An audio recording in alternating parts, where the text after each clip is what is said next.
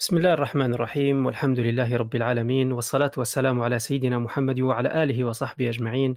رب اشرح لي صدري ويسر لي أمري واحلل عقدة من لساني يفقه قولي. اللهم وجهنا لما خلقتنا له واصرفنا عما نهيتنا عنه ولا تشغلنا بما تكفلت لنا به. اللهم اجعلنا من جندي الخير دلنا عليك أرشدنا إليك فهمنا عنك علمنا منك وأعذنا من مضلات الفتن ما أحييتنا. اللهم انصرنا بالإسلام وانصر الإسلام بنا. واجعلنا حجة له لا عليه واجعله حجة لنا لا علينا. السلام عليكم ورحمة الله وبركاته. أهلا بكم مستمعينا الكرام في الحوارية الثالثة بعد المئة من برنامج تساؤلات على قناة المنتدى الفكري الشبابي. معكم عبد الرحمن الخنجاري في حوارية خطيرة جدا. وعن داء عضال فتاك لا يزال يفتك في صمت وفي خفاء بكثير من الشباب وللأسف قل ما يتم الحديث عنه وهو إطلاق النظر المحرم أسبابه مآلاته وسبل العلاج. لا يخفى على الجميع بأننا نعيش في زمن التقنية والفردانية وانفلات الشهوات وكثرة الفتن وخفو جدوى الإيمان وكثرة الجهل للأسف. لا يكاد يوجد شاب في هذا العصر إلا ومرت على عينيه مشاهد خادشة للحياة عمدا أو خطأ طوعا أو كرها عبر الأجهزة المختلفة في البيت أو الشارع أو المدرسة أو مكان العمل وغير ذلك مما قد لا يخطر على بال. لكن الأخطر هو ما يحدث بعد ذلك. فمنهم من انزلق في وحلها وجرته من أبواب الفضول فاللذة فاللذة فاللذة حتى إذا أراد فرارا منها وجد نفسه مكبلا في أشواكها لا يجد منها فرارا. حتى ضاعت صحته وعمره وتركيزه وفسدت حياته والأخطر من ذلك علاقته بربه وإيمانه وسلامته وفكره وفطرته. ومع دناءة الإثم وفضيحة الإقرار بالوقوع فيه والعار اللاحق بذلك وضعف التوعية بخطره يجد الشاب نفسه في واقع لا يحسد عليه. وعنهم خصوصا نخصص هذه الحوارية ولمن يهتم بأمرهم. ضيف الليلة الذي سيحدثنا عن هذا الموضوع هو شخص له خبرة طويلة واسعة في التصدي لهذه الظاهرة وهو مؤسس فريق واعي. طبعا فريق واعي سنة 2014 على مستوى عربي ثم أصبح في 2018 فريق عالمي وهو الآن الفريق العربي الوحيد المتخصص في التوعية بمخاطر إدمان مشاهد المواد الإباحية على مستوى عالمي. يقدم المساعدة للناس هذه ولمن يريد التعافي منها وذلك عن طريق توفير بيئة آمنة لهم وإمدادهم بالوسائل العلمية والعملية للتعافي. وعندهم فريق يتكون من أكثر من 350 شخص. شاركوا في عدد من الدول والليلة معنا في ليبيا. ضيفنا اليوم هو الدكتور محمد عبد الجواد هو مؤسس هذا الفريق. فأهلا وسهلا بك. أهلا أهلا بحضرتك أستاذ عبد الرحمن واهلا بكل الحضور وشكرا جدا على هذه الدعوة المباركة من منتدى الفكر. وزي ما حضرتك ذكرت أنا سعيد جدا آه، إن أنا أكون لأول مرة في فاعلية يتم استضافتي فيها من ليبيا. وليبيا من الدول آه، يعني العزيزة على قلبي لأنها اولا آه، بلد زوجتي وتاني حاجة هي من أكثر الدول متابعة لحساب حساباتنا في السوشيال ميديا. فجمهورنا من ليبيا كبير جدا جدا وأنا سعيد إن أنا أكون معكم النهارده. آه، دكتور حدثنا على موضوع شو نقصده إحنا بمعنى المشاهد المخلة والمواد الإباحية والإدمان بصفة عامة. آه آه، أنا عجبني جدا مقدمة حضرتك فيما تتعلق آه، بمشكلة الإباحية. هي مشكلة كبيرة جدا جدا مسكوت عنها للأسف آه، رغم إن في ملايين حول العالم بيعانوا منها. وإحنا دايما بنقول إن مشكلة المواد الإباحية هي مشكلة مشكلة صحه عامة يعني بيعاني منها كل البشر شرقا وغربا لأن الأداة آه، واحدة هي الإنترنت.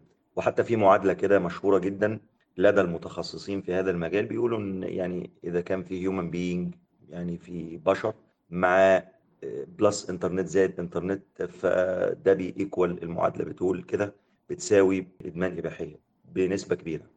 فإحنا عمرنا ما بنقول إن في دولة مع- بعينها فيها مشكلة آه، مشكلة إباحية وبتعاني منها فإحنا بنعالج المشكلة دي في الدولة. لا دي مشكلة على مستوى العالم وإحنا كعرب جزء ألم و...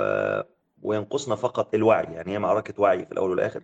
ولذلك يأتي في بداية حديثنا النهاردة سؤال مهم جدا نسأله لجمهورنا السؤال أيهما أكثر ألما؟ الألم المترتب على الجهل ولا الألم المترتب على الحرج من السؤال حول مشكلة آه، محرجة؟ آه، يعني الصحيح هو أن الألم المترتب على الجهل هو أكثر بكتير جدا من الألم المترتب على الحرج لما آجي أسأل عن مشكلة آه، من الصعب إن أنا أتحدث عنها زي مشكلة المواد الإباحية. لأن الأضرار الكبيرة اللي بتترتب على عدم سؤالي ومعرفة آه، خطر هذه المواد الإباحية على العقل البشري الدماغ والعلاقات والمجتمع بتسبب مشكلات كبيرة جدا جدا يعاني منها الشخص والمجتمع معاناة شديدة جدا فيصير الألم أكبر بكتير. طيب نيجي إيه هي الإباحية؟ يعني اللي إحنا بنتكلم عنها الإباحية هل هي الألفاظ السيئة ال ال ولا إيه نقصد بيها؟ الإباحية ليها تعريف في آه، قاموس مريم ويبستر. هي الأفلام والصور والمجلات وغيرها ركزوا معايا التي تظهر أو تصف أشخاصا عراة أو الجنس بطريقة مفتوحة جدا ومباشرة من أجل الإثارة الجنسية. آخر أربع كلمات مهمة جدا. ليه؟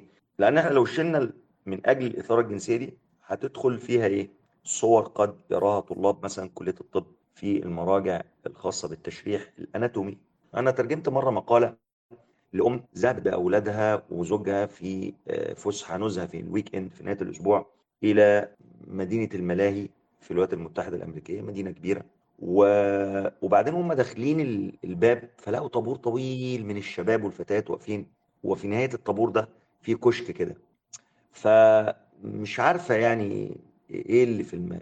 إيه ال event اللي موجود في النهارده في المكان ده. ففتحت جوجل تشوف تبحث عن هذا ال event اللي متجمع عليه مئات اللي الفتيات والشباب. فلقيت إن إن في ممثلة ممثلات الإباحية موجودة في في في نهاية هذا الطابور والصف الطويل والشباب والفتيات منتظرين عشان يوقعوا منها اوتوجراف وللذكرى. فهي بتسأل بتقول يعني هل وصلنا أو وصل بينا الانحطاط إلى مستوى إن شبابنا وفتياتنا ينظروا إلى هؤلاء آه على إن هم قدوة وينتظروهم عشان يوقعوا لهم آه، يعني توقيعات للذكرى؟ طبعا ده شيء سيء جدا جدا.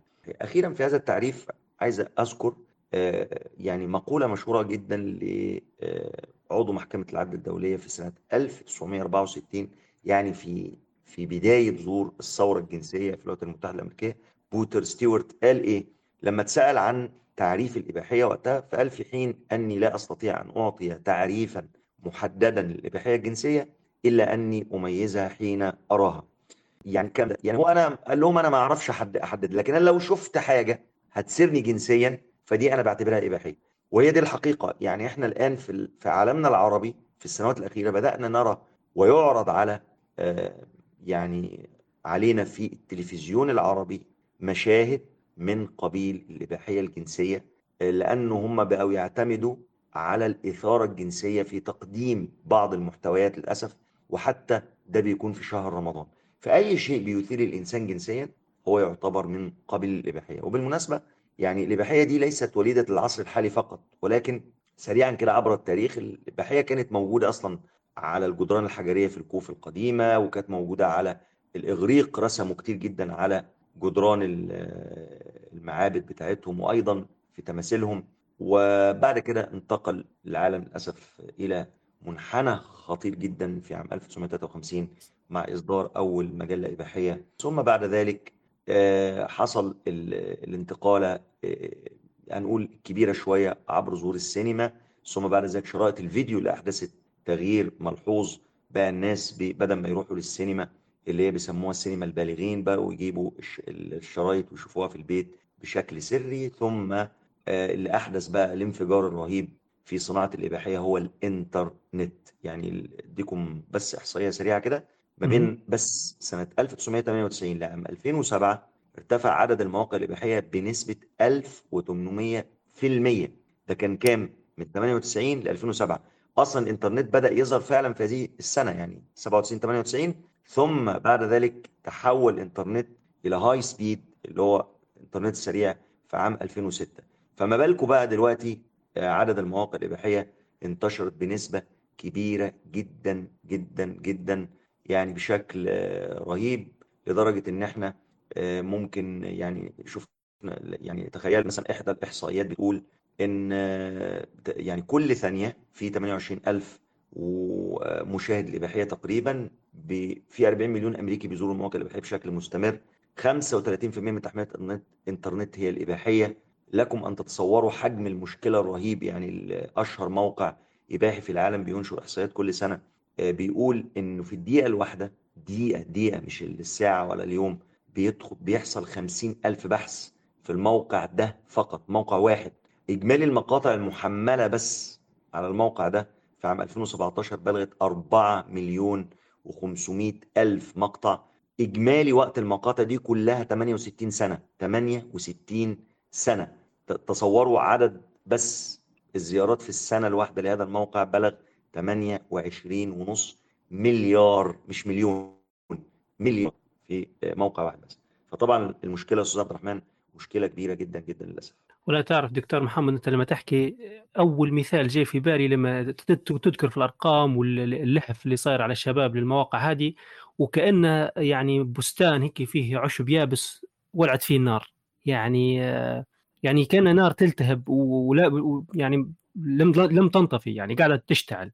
والباين ان المواقع اللي يعني اللي حكيت عليها ال- والمحتوى يلاقي فراغ في الناس أو شيء يعني جاذب لهم يعني شيء يعني بنفهم من السر ليش هذا كله صاير؟ يعني شنو آه. الإجابة لذلك؟ آه إيه الأسباب؟ يعني ده سؤال مهم جدا. إيه أسباب أصلا وقوع الناس في آه، الإباحية؟ آه، يعني أسباب كتيرة جدا. أولها الفضول خاصة في يعني ادمغه المراهقين أصلا بتمتاز بالتبعية، بالفضول بالبحث عن الجديد. فلذلك حتى أغلب السلوكيات الإدمانية كما ذكرت الدراسات بتكون من 18 ل 25 سنة. آه، في في السن ده وقبله بيكون عند المراهقين آه، فضول. ليه ليه تحديدا 25 لأنه أصلا قشرة الفص الجبهي للدماغ اللي هي ربنا ميز بيها البشر عن بقية الثدييات اللي هي بتعطيهم القدرة على اتخاذ القرارات السليمة آه، بتكتمل أو بتبدأ تكتمل من من سن 18 سنة حتى آه، 25 سنة. فالفضول تاني حاجة البحث عن تعلم الجنس آه، فطبعا أول شيء بيقع تحت أيديهم لما يبحثوا في المحركات البحث توجههم مباشرة إلى المواقع الإباحية اللي بالمناسبة هي وسيلة سيئة جدا وخاطئة وضارة لتعلم الجنس الحقيقي. ال- ال- الانتماء إلى المجموعة وإرضاء الأقران إحنا كبشر بنحب دايما نشعر بالأمان ونميل إلى الانتماء إلى مجموعات فالأقران بيدلوا بعض فعشان أنت تبقى في مجموعة معينة ويمنحوك الأمان والدعم فلازم أنت تعمل زيهم. فالانتماء إلى المجموعة قد يدفع بعض الشباب والفتاة إلى إرضاء أقرانهم بتقليدهم في السلوكيات السيئة للأسف. كذلك أيضا بعض الأطفال بي بي بينشأوا في بيوت آه، يشعروا فيها بالضعف والإهمال والخوف والإهانة والخيانة والقسوة. كل ده بيسبب لهم ضغوط فبيهربوا من هذه الضغوط إلى المواد الإباحية اللي بتمثل لهم تخفيف وقتي عن هذه المشاعر المؤلمة. أيضا الهروب من ضغوط الحياة يعني ال stress زاد جدا في في السنوات. الناس بتعالج الضغط دون باللجوء إلى الإباحية لأن الإباحية بتو بتمد الدماغ بمواد كيميائية وده يحتاج شرح إن شاء الله. ممكن نشرحه في عجالة أثناء الحديث. ليه الإباحية بتسبب إدمان؟ ليه الإباحية بتسبب هذا الانجذاب الكبير جدا للبشر؟ بسبب إفراز المواد الكيميائية اللي بتأثر على أدمغتهم وبالتالي بيهربوا إليها. كذلك الإدمان يعني إذا الإنسان آه، وقع في الإباحية والإدمان بيحصل بشكل سريع للأسف بسبب الجاذبية الشديدة للإباحية الجنسية عبر الإنترنت. إذا أدمن فهو بيبدأ يستخدمها بشكل آه، قهري.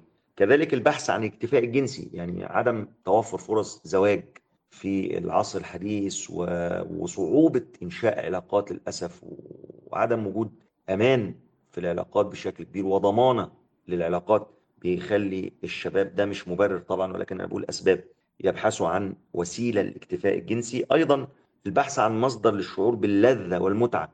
الناس ما عادتش بت... والشباب ما عادوش بيبحثوا عن المتعة من خلال المصادر ال- الصحية زي الرياضة الهوايات العلاقات ال- الطيبة ولكن فيبدأوا يبحثوا عنها في للأسف المصدر السهل اللي بيمدوا بدوبامين عالي وهو الإباحية. كذلك الملل يعني الملل ده يعتبر ستريس في حد ذاته. واحد قاعد ما بيعملش حاجة لا يوجد عمل لا يوجد تطوع لا يوجد شغل الأوقات فبالتالي بيلجأ إلى الإباحية.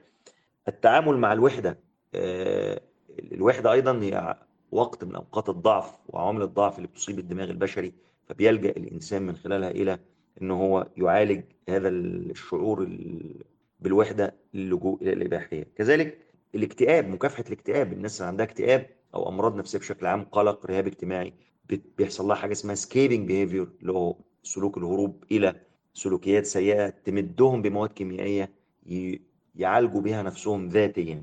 والمفاجأة إن كل كل هذه الأسباب اللي بتدفع الناس لمشاهده الإباحية ومداواة الذات لا تحقق الإباحية. الإباحية لا هي بتعالج الملل لا بتعالج الاكتئاب بالعكس الدراسات بتقول إن الإباحية بتزود الاكتئاب بتزود الإرهاب الاجتماعي بتزود القلق بتزود المشكلات بتزود الاسترس الضغط بت...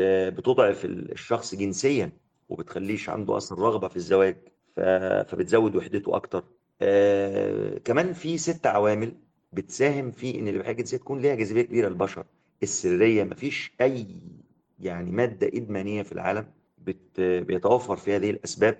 مطلقا مثل الإباحية السرية التامة رخص الثمن الجرأة في المادة المعروضة والتنوع الشديد فيها والتجديد تقبل المجتمع لها في السنوات الأخيرة وإن ده شيء عادي وقابلية الإدمان عليها كمان كونها مثيرة للشهوة يعني ربنا جلب جلبنا على حب الجنس والميل إليه عشان نتزوج ونعمر الأرض كما جل وعلا فبالتالي مرتبطة بهذه الشهوة القوية لدي لدى البشر فبيتعلق بها الإنسان. دي الأسباب اللي بتدفع البشر للوقوع في الإباحية. وكذلك أيضا أحب أذكر أن الإدمان الإباحية نفسه هو نوعين في بيسموه نوع كلاسيك ونوع حديث نيو يعني. الكلاسيك اللي هو الشخص يكون عنده مرض نفسي وزي الاكتئاب القلق فبيلجأ إلى مداواة نفسه زي ما ذكرنا بالهروب إلى الإباحية.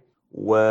وده يحتاج إن هو يعالج السبب الرئيسي اللي دفع أصلا الاباحيه فبيستعين بطبيب نفسي لمداواته. والنوع النيو اللي هو غالب الناس بقى اللي بتقع في الإباحية من خلال آه إن هو يتعرض لصورة مشهد إباحي ثم يعلق في هذا الفخ ويستمر في آه حفر يعني بيسموه يحفر لنفسه آه هذا الفخ أكتر وأكتر كلما تعمق في الإباحية فيتضرر بسببها أكتر يعني. دكتور محمد يعني الأسباب عديدة كلها واللي نظري لما حكيت تو أنه الأسباب هذه رغم تعددها وأن الإنسان يعني ممكن يقبل على المواد هذه يعني باش حتى يتعالج منها هو يقع لها العكس. فهذا فكرني سبحان الله بقصة سيدنا آدم مع إبليس. قال هل أدلكم على شجرة الخلد وملك لا يبلى؟ واللي لما أكلا منها صار العكس. بل عمرهم أصبح محدود ولا فكل شيء يعني يتغير. على عكس اللي كان الشيطان يعني يزين للناس وقوع في يعني فعل ذلك الأمر. فسبحان الله يعني يعني بجد يعني الأسباب هذه كل واحدة لحالها تحتاج إن الشخص يفصل فيها. لكن هذا يطرح تساؤلات على المجتمع تساؤلات على البيت يعني تساؤلات في يعني وين البدائل للموضوع هذا. لكن أعتقد في ممكن يعني في سبب آخر اللي ممكن ضعف الوازع الديني في هذا الأمر. يعني فهل عندك تعليق في هذا الأمر أم لا؟ آه طبعا بص حضرتك هو في دراسات اتعملت على هذا الموضوع يعني علاقة الإباحية بالتدين فلقوا إن المتدينين هم أقل وقوعا في فخ الإباحية من غيرهم يعني. دي دراسات حتى غربية. لا لكن لكن يعني زي ما حضرتك ذكرت هو الوازع الديني هو أحد العوامل طبعا بلا شك يعني. و... واصلا إحنا لما بنيجي نتكلم حتى عن بنسميها دوافع التعافي دوافع التعافي من الادمان الإباحية بتنقسم إلى ثلاث يعني أو أهمهم ثلاثة على الإطلاق هو الخوف والحب والواجب. الخوف من ربنا الخوف من المجتمع ووصمة العار اللي ممكن تصيب الإنسان لما يتعرف عنه حاجة زي كده. خوف من إن هو يترفد من وظيفته الخوف من زوجته إن هي تعرف عنه حاجة زي كده تطلب الطلاق خوف إن أولاده يعرفوا عنه حاجة زي كده فيكون قدوة سيئة ليهم. كذلك الواجب الإحساس بالواجب الواجب تجاه الدين. الواجب تجاه نفسه تجاه بلده مجتمعه أسرته. عشان كده إحنا قلنا لو تذكروا إن السلوكيات الإدمانية بتقل بعد سن 25 سنة. ليه؟ حتى التدخين نفسه حتى المخدرات. ليه؟ لأنه بعد 25 سنة غالبا مش الشخص بيكون اتخرج يكون اتوظف المفروض يعني يكون تزوج في يعني بي بيسير في مشروع زواج. فخلاص ما عادش عنده وقت فراغ إن هو يعني يمارس فيه سلوكياته الإدمانية وكذلك أيضا خوفه على إنه يفقد وظيفته لأنه لو سهر بالليل مش هيقدر يصحى الصبح مش هيكون مركز مش هيترقى في عمله مش هيتطور مش هيط... مش هيبقى مبدع في عمله. كذلك أيضا تجاه أسرته مش هيقدر يؤدي واجباته تجاه أسرته من رعايتهم و... وتوفير ليهم يعني احتياجاتهم و... وغيرها من المسؤوليات المتعلقة بالأسرة.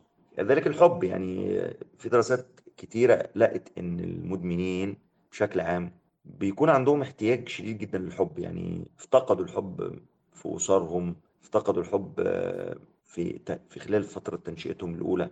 فبيبقى لديهم فراغ داخلي بيحاولوا يملوه دايما. فبيملوه من خلال الإباحية ومن خلال إن هو يعمل علاقة مع الشخصيات اللي بيشوفها في المواد الإباحية. ولكن للأسف المصدر ده لا يمثل أبدا مصدر يقدر يعتمد عليه الشخص اللي بيفتقد الحب ده. مصدر للحب يملى الفراغ اللي جواه بالعكس الفراغ ده بيزيد أكتر وأكتر وأكتر ويتسع. وأنا أذكر إن أنا قرأت قصة لمدمن كحوليات يعني المدمن دون طبعا الكحول من أصعب أنواع الإدمان يعني لعلمكم يعني. فهو كان بيحكي إن هو كان خارج من حانة آه، كان بيتعاطى فيها الخمور وكده. ولما خرج ف وهو مروح فلمح واحدة ماشية في الشارع. فيعني وقع الحب في قلبه وذهب إليها وكلمها وراح تزوجها وقال إن أنا منذ أن رأيتها حتى الآن هو زوجها يعني لم يتعاطى الكحول مرة تانية لأنه بيقول إن إنه لما حبها الحب ده طرد وحش الإدمان اللي كان جواه. ف... فبالفعل بيبقى المدمن عنده احتياجات معينة غير ملباه في حياته فبيحاول يلبيها من خلال السلوكيات السيئة. فده بالفعل يعني حضرتك آه، اللي بتقوله مظبوط إن إحنا من العوامل المهمة اللي بتقوي الإنسان وتحصنه تجاه الوقوع في المحرمات بشكل عام هو الوازع الديني وأيضا الوعي. يعني أنا لما أعرف إن المشاكل اللي ممكن قد أعاني منها هي بسبب الإباحية دي وأنا كنت في الأول لا أجد أي رابط بينهم زي الاكتئاب عدم الرغبة في الزواج السوداوية النظرة السوداوية في حياتي العصبية الزايدة. وغيرها من المشكلات الكبيرة اللي إحنا ممكن نتكلم عنها لاحقا في في كلامنا النهارده. وقائمة تطول آه، مش قادر يربط ما بين هذه المشكلات وما بين المواد الإباحية لكن لما يكون عنده وعي زي مثلا محاضرة زي دي أو يسمع فيديو أو كده فيقول آه أنا ما كنتش أعرف. فالوعي ده بيخليه يلتفت إن الإباحية لو هو تركها وتعافى منها هيتحسن. وده اللي حصل فعلا في مجموعة من أشهر المجموعات الشباب الأمريكي نو فاب اللي أنشئت يعني في تقريبا في عام 2011 وبالمناسبة يعني مشكلة الإباحية دي أصلا اكتشفت بالصدفة يعني على المنتديات الرجال كان الرجال يعانوا من ضعف الانتصاب وعدم الرغبة الجنسية فبدأوا يحكوا بعضهم إن هم لما تركوا الإباحية والاستمناء تحسنوا كثيرا. فبدأت فكرة قال طب ما إحنا نبطل وبدأ ده يبطل ده يبطل بطل إيه رأيكم نعمل groups ونتجمع فيها؟ ونساعد بعض على التعافي ومن هنا نشأت فكرة ال reboot reboot اللي هي إعادة التشغيل. يعني كانهم بيقولوا إن لما الشخص بيتعافى من إدمان الإباحية والاستمناء بيعمل إعادة تشغيل مرة تانية لدماغه. تخيلوا؟ ولذلك بعض أحد الطلاب الأمريكان اللي تعافى بيقول إن إن تعافي الطالب الجامعي من إدمان الإباحية هو يعتبر بمثابة معجزة للدماغ البشري حيث تتحسن الذاكرة والتركيز وكل الوظائف التنفيذية للدماغ بشكل كبير جدا جدا. لما عملوا استبيان على النفاق إيه الدافع اللي دفع الشباب أو الفتيات للانضمام للنفب المفاجأة ما كانتش دافع مجتمعي أو ديني أو قيمي مع أهمية طبعا هذه الدوافع بلا شك يعني ولكن كان الدافع عند أكثر من 90% منهم هو دافع نفسي وجنسي. لأن الإباحية بتسبب اكتئاب وقلق شديد جدا وضغط نفسي وفشل اجتماعي بشكل عام وبتؤدي أيضا إلى مشاكل كل مشاكل العجز الجنسي باختلاف أنواعها بتسببها الإباحية للأسف. فمن هنا بدأت الفكرة من هنا بدأت فكرة بارك. التعافي يعني في العالم آه. أنا تو تفكرت حاجة آه، لما أنت تكلمت عن الموضوع هذا فكرة ال reboot اللي هي كانه في في مفهومنا الإسلامي هي موضوع العودة إلى الفطرة إن الإنسان يعود إلى الفطرة التي خلق الله عليها. فيعني زي ما نعرف إحنا الإسلام هو دين الفطرة فكل تشريعاته واوامره هي عشان تحفظ الفطرة والإنسان يبقى يعني عليها ما يحيدش. ف يعني التوقف عن أي أمر يعني أي ذنب مثلا الذنوب المعروفة أي إدمان حتى مثلا تدخين وغيره. أو إن الإنسان فرضا كان يجرح في نفسه بمجرد ما يوقف جرح نفسه الجلد في نفسه الخلايا تتعافى. إحنا سبحان الله عاتي فينا ميزة إن إحنا نتعافى يعني آه، ذاتيا الجسم بحيث إنك لما توقف عن الذنب أو توقف عن الخطأ يصلح الجسم نفسه بنفسه. فمحتاج الناس تاخذ الخطوة. شيء ثاني إضافة بس على كلام اختار في بالي شيء آخر اللي هو موضوع المدخلات. وهذه الدكتور عبد الرحمن ذاكر الهاشمي تكلم عليها كثير إن الإنسان أي شيء يتعرض له يعني يراه أو يلمسه أو يسمعه أي مدخل يدخل من من عناصر الحس سيترك اثرا شئت أم أبى. يعني شخص وما أبى يعني حيخلي أثر فيه. الأثر هذا بعض الناس ما يقول لك أنا نتشاهد وأنا واعي وأنا يعني مدرك هو في الحقيقة هو يلوث في نفسه. ومع عملية التعرض كل ما إنسان يزيد يزيد آه، يعني المدخلات السلبية والأثر السلبي اللي راح يتركه في داخله. فهنا تو دكتور محمد نبغى نحكم يعني نبيك تفهمنا أكثر موضوع الإدمان بالذات كيف يحصل من كيف في في, في عقل الإنسان أو في جسمه يعني من ناحية علمية. دكتور محمد تفتح المايك. آه ده سؤال مهم جدا معلش آسف. سؤال مهم جدا جدا إن إحنا نفهم ليه الاباحيه بهذه القوة الكبيرة آه، والجاذبية الكبيرة اللي بتخلي الإنسان يفقد سيطرته على آه، سلوكياته ويوصل إلى مرحلة الإدمان. ربنا سبحانه وتعالى خلق آه، دماغنا البشري عايزين نقول إيه؟ يعني مجازا. هو في دماغين أو نقدر نقول نظامين. إحنا مجازا هنقول دماغين. دماغ بنسميه أيضا مجازا الدماغ العاطفي ال emotional brain ونركز في النقطة دي مهمة قوي ودماغ آخر اسمه الدماغ العقلاني أو الفكري thinking brain. كل الثدييات القرود الغنم الأسود كل الثدييات تمتلك الدماغ العاطفي ال emotional brain اللي هو علميا اسمه ال limbic system أو دائرة المكافأة reward pathway أو reward system إلا البشر بيمتازوا فوق الدماغ العاطفي ده بدماغ آخر اسمه thinking brain أو الدماغ العقلاني. هذا ال thinking brain اللي هو إحنا بنسميه علميا prefrontal cortex أو قشرة الفص الجبهي للدماغ. نرجع نشوف العاطفي ده. ربنا خلقه ليه؟ خلقه لحكمة كبيرة جدا جدا ومن اسمه دائرة المكافأة. هو شكله دائرة فعلا ومكافأة لأنه بيدفعنا إن إحنا يعني نمارس سلوكيات وأفعال تبقينا على قيد الحياة الأكل الشرب الزواج. ومش بس بيدفعنا لا ده إحنا لو عملناها بيكافئنا علينا المكافأة. المكافأة دي بتكون في صورة إيه؟ صورة مادة كيميائية اسمها الدوبامين. الدوبامين هو اللي بيدفعنا إن إحنا يعني نفعل هذه الأفعال زي ما قلت لحضراتكم ليه؟ بيكون على قائمة أولويات دائره المكافأة دي الغذاء والجنس والتجديد والصداقة والحب. هذه الخمس أنشطة اللي بتخلينا نؤدي دورنا في الحياة ونستمر. وده اللي بيدفع الأسد والفهد إن هو لما يجوع بغريزته إن هو عشان ياكل حتى لو صغير الغزال وإحنا نقول يا حرام عليك طبعا هو مش اسمها حرام هو الراجل جعان فلازم ياكل عشان يعيش. اللي بيدفعه لذلك هي دايرة المكافأة. وبعد ما بياكل بيتلذذ بيها فبيفرز مادة تانية اسمها الاندورفينز أو المورفينات الطبيعية اللي بتحسسه بالمتعة. ففي الحقيقة هو الدوبامين هم دايما مشهور عنه إن هو يعني هرمون السعادة. هو هو هو هرمون أو neurotransmitter موصل عصبي لكن هو مش في حد ذاته هو اللي بيسبب المتعة. دي الحقيقة ولكن هو أقوى من النظام اللي بيحقق لنا المتعة هو اللي بيدفعنا لفعل الأشياء اللي بتسبب لنا المتعة. فأنا لما أكون ماشي في الشارع وسايق العربية أشوف إعلان في الشارع لهمبرجر كده في كنتاكي أو ماك وبعدين أنا تتحرك لدي الرغبة إن أنا إيه آه إلى الطعام إن أنا عايز آكل. أنا جوعت دلوقتي مجرد بس أشوف الصورة. لأن الدماغ العاطفي يفرق بين الصورة والواقع فبيعتقد إن ده طعام حقيقي فبيسيل لعابه زي ما بنقول ويرغب في الطعام. ويبدأ الدوبامين يف يتفرز في دماغنا دون أن نؤدي الفعل. وهو اللي بيدفعنا ويحركنا ويسوقنا إن إحنا نروح إيه؟ المطعم. لو لا. طول ما إحنا ماشيين رايحين المطعم وطول ما إحنا قاعدين منتظرين الطعام وبنشم الريحة الدوبامين عمال بيعلى بيعلى وبيدفعنا أكتر وأكتر إن إحنا ناكل. أول ما بناكل يفرز الإندورفينز ده فنحقق المتعة وبيحصل عندنا الاكتفاء. تمام كده؟ تمام. وده بيحصل مع الجنس أيضا. نيجي بقى لل system الآخر أو النظام الآخر هو الدماغ الايه العقلاني اللي هو ربنا ميزنا بيه. هذا الدماغ العقلاني أو قشرة الفص الجبهي للدماغ أو الناصية هو مركز ال executive functions الوظائف التنفيذية اللي يميز بها البشر وزي إيه؟ زي القدره على التخطيط للمستقبل حل المشكلات قدرة على اتخاذ القرارات السليمة التركيز الذاكرة القدرة على الكبح والصبر والتأجيل. آه كل ما تكون وظائف الدماغ التنفيذية دي أقوى كل ما يكون الشخص أكثر نجاحا وأكثر حزما وأكثر تحقيقا لأهدافه في الحياة. يكون أضعف كل ما يكون هذا الشخص قراراته سيئة وغلط في حياته ومشكلاته أكتر للأسف السلوكيات الإدمانية بتضعف قشرة الفص الجبلي الدماغي فبتكون يكون الشخص ده ما عندوش قدرة على تخطيط المستقبل ولا حل مشكلاته ولا اتخاذ القرار السليم.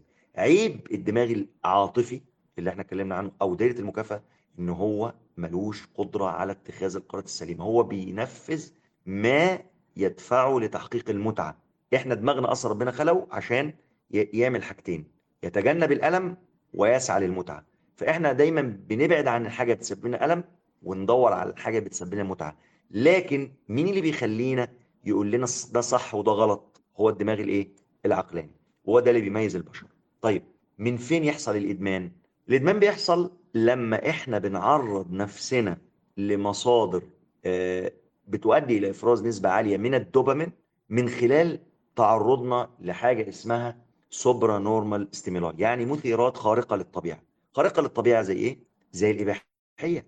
دي مصادر يعني مفيش واحدة مهما بلغت جمالها في الواقع تماثل ممثلات الإباحية. ليه؟ لأنها مبنية على الفانتسي. الخيال في كل شيء مكياج عمليات تجميل تصوير عالي الدقة كل شيء سيناريو خيالي كل شيء عدم إظهار عيوب إظهار السعادة أثناء التمثيل كل شيء. لكن في الحقيقة هم بيعانوا بيعانوا ولذلك مفيش ممثلة بتستمر في هذه الصناعة أكثر من من شهور عديدة.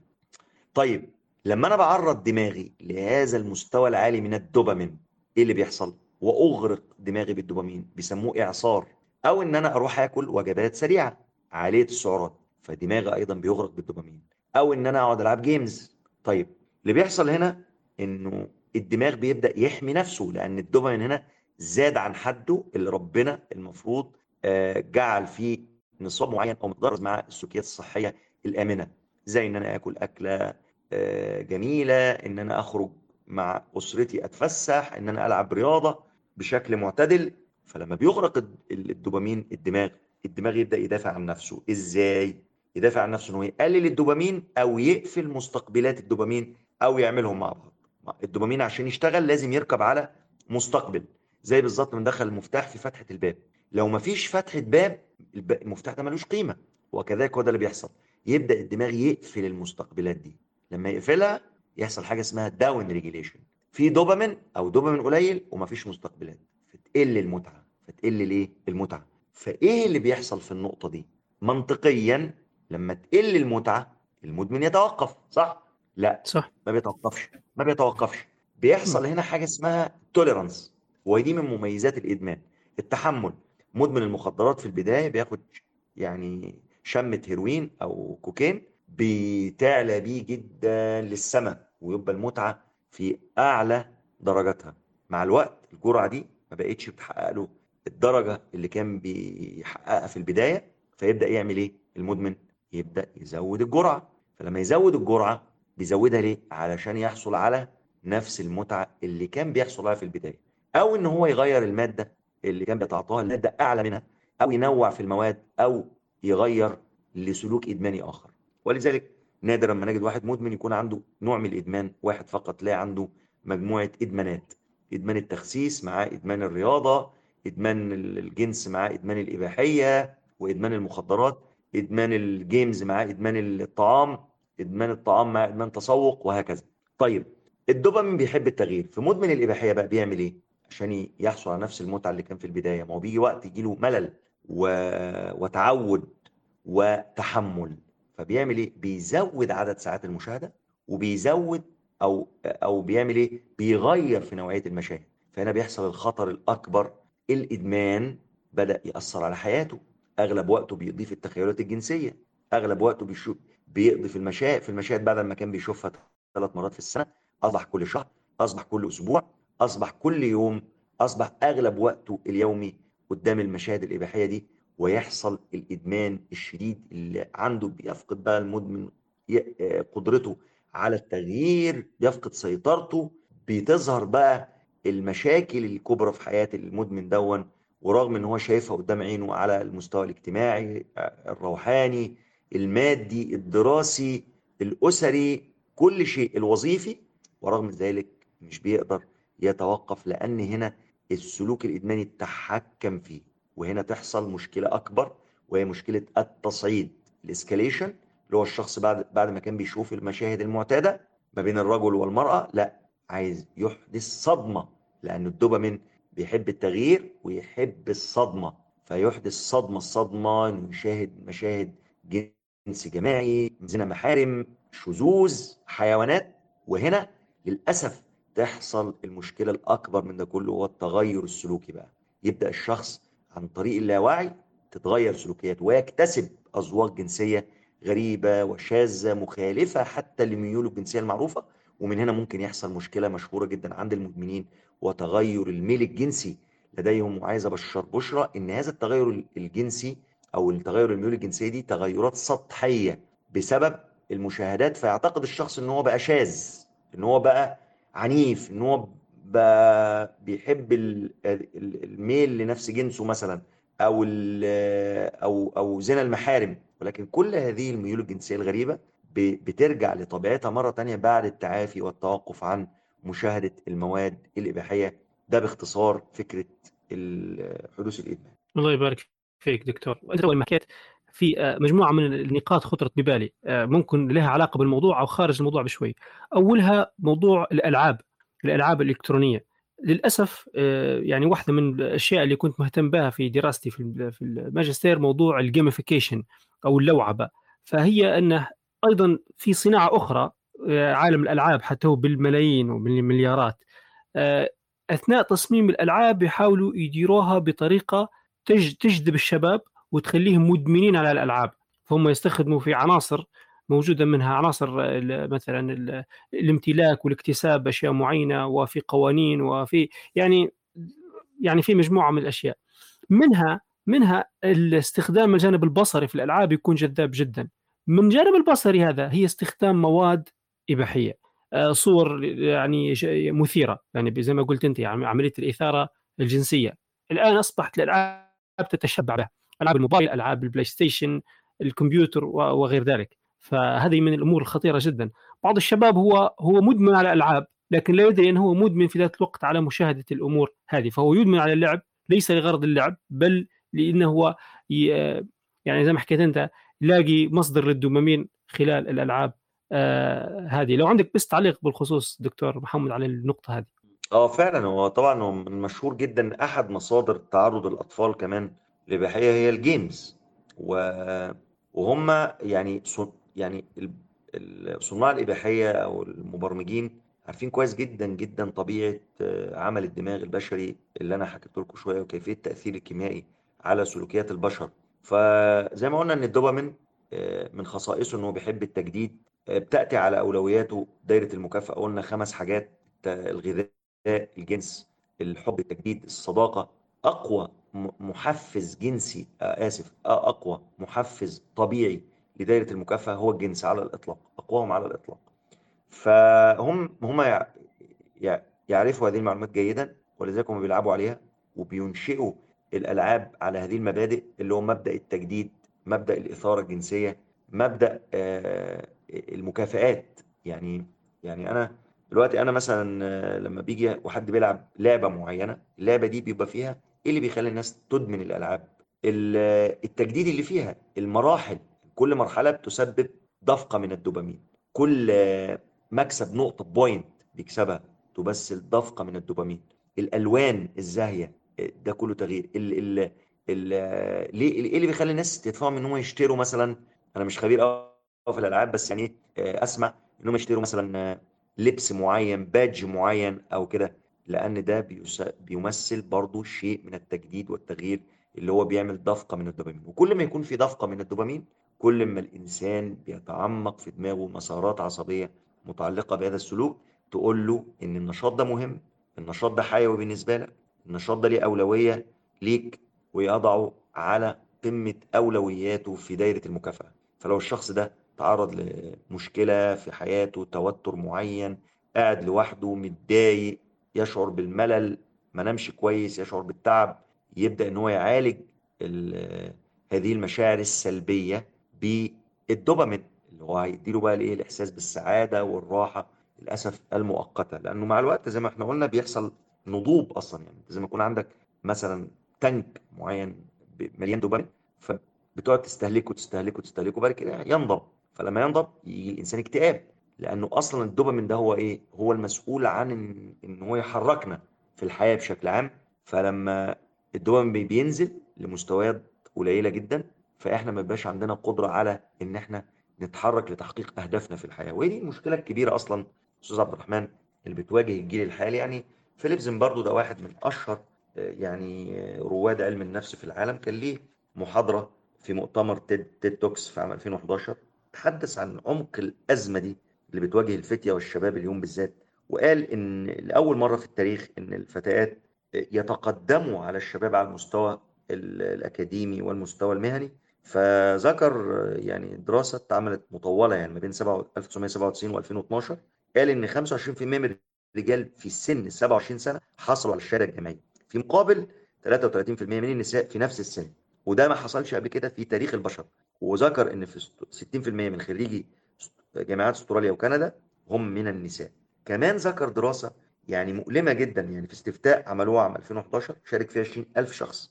76% منهم من الرجال أكتر من نصفهم كان عمرهم يعني صغير ما بين 18 ل 35 سنة تقريبا. أظهر الاستبيان ده إن الشباب ما عادش عندهم اهتمام بإقامة علاقة عاطفية طويلة الأمد أو عندهم حتى رغبة في الزواج أو الإنجاب. أو يكونوا أرباب أسر أو حتى مجرد استقلال في حياتهم. فأرجع هذا التدهور والمحاضرة كانت اسمها زوال الرجال. أرجع هذا التدهور اللي هو بيقول لأول مرة يحدث في التاريخ إلى ما أسماه bad mix المزيج السيء اللي هو إدمان الإباحية وإدمان الألعاب الإلكترونية. وقال إنه مستنكر يعني. لماذا يخرج الشاب ويكافح لينجح ويثبت ذاته؟ إذا كان بإمكانه إنه يعمل يفتح الفتوحات داخل غرفة نومه. لأنه خلاص ما عادش عنده وقت ما عادش عنده دوبامين يدفعه. إحنا ممكن كتير مننا سمع أو عن أو شاف سوبرمان. سوبرمان كان في حجر كده اسمه كريبتونايت لما كان بيلمسه بيفقد قدرته تماما على الحركة ويصبح زي القماشة البالية. هو ده بيحصل بالظبط للإنسان إذا آه، أصيب بالإدمان بيفقد قدرته على الحركة على التوهج على النشاط على التفكير بإيجابية على السعي في الحياة.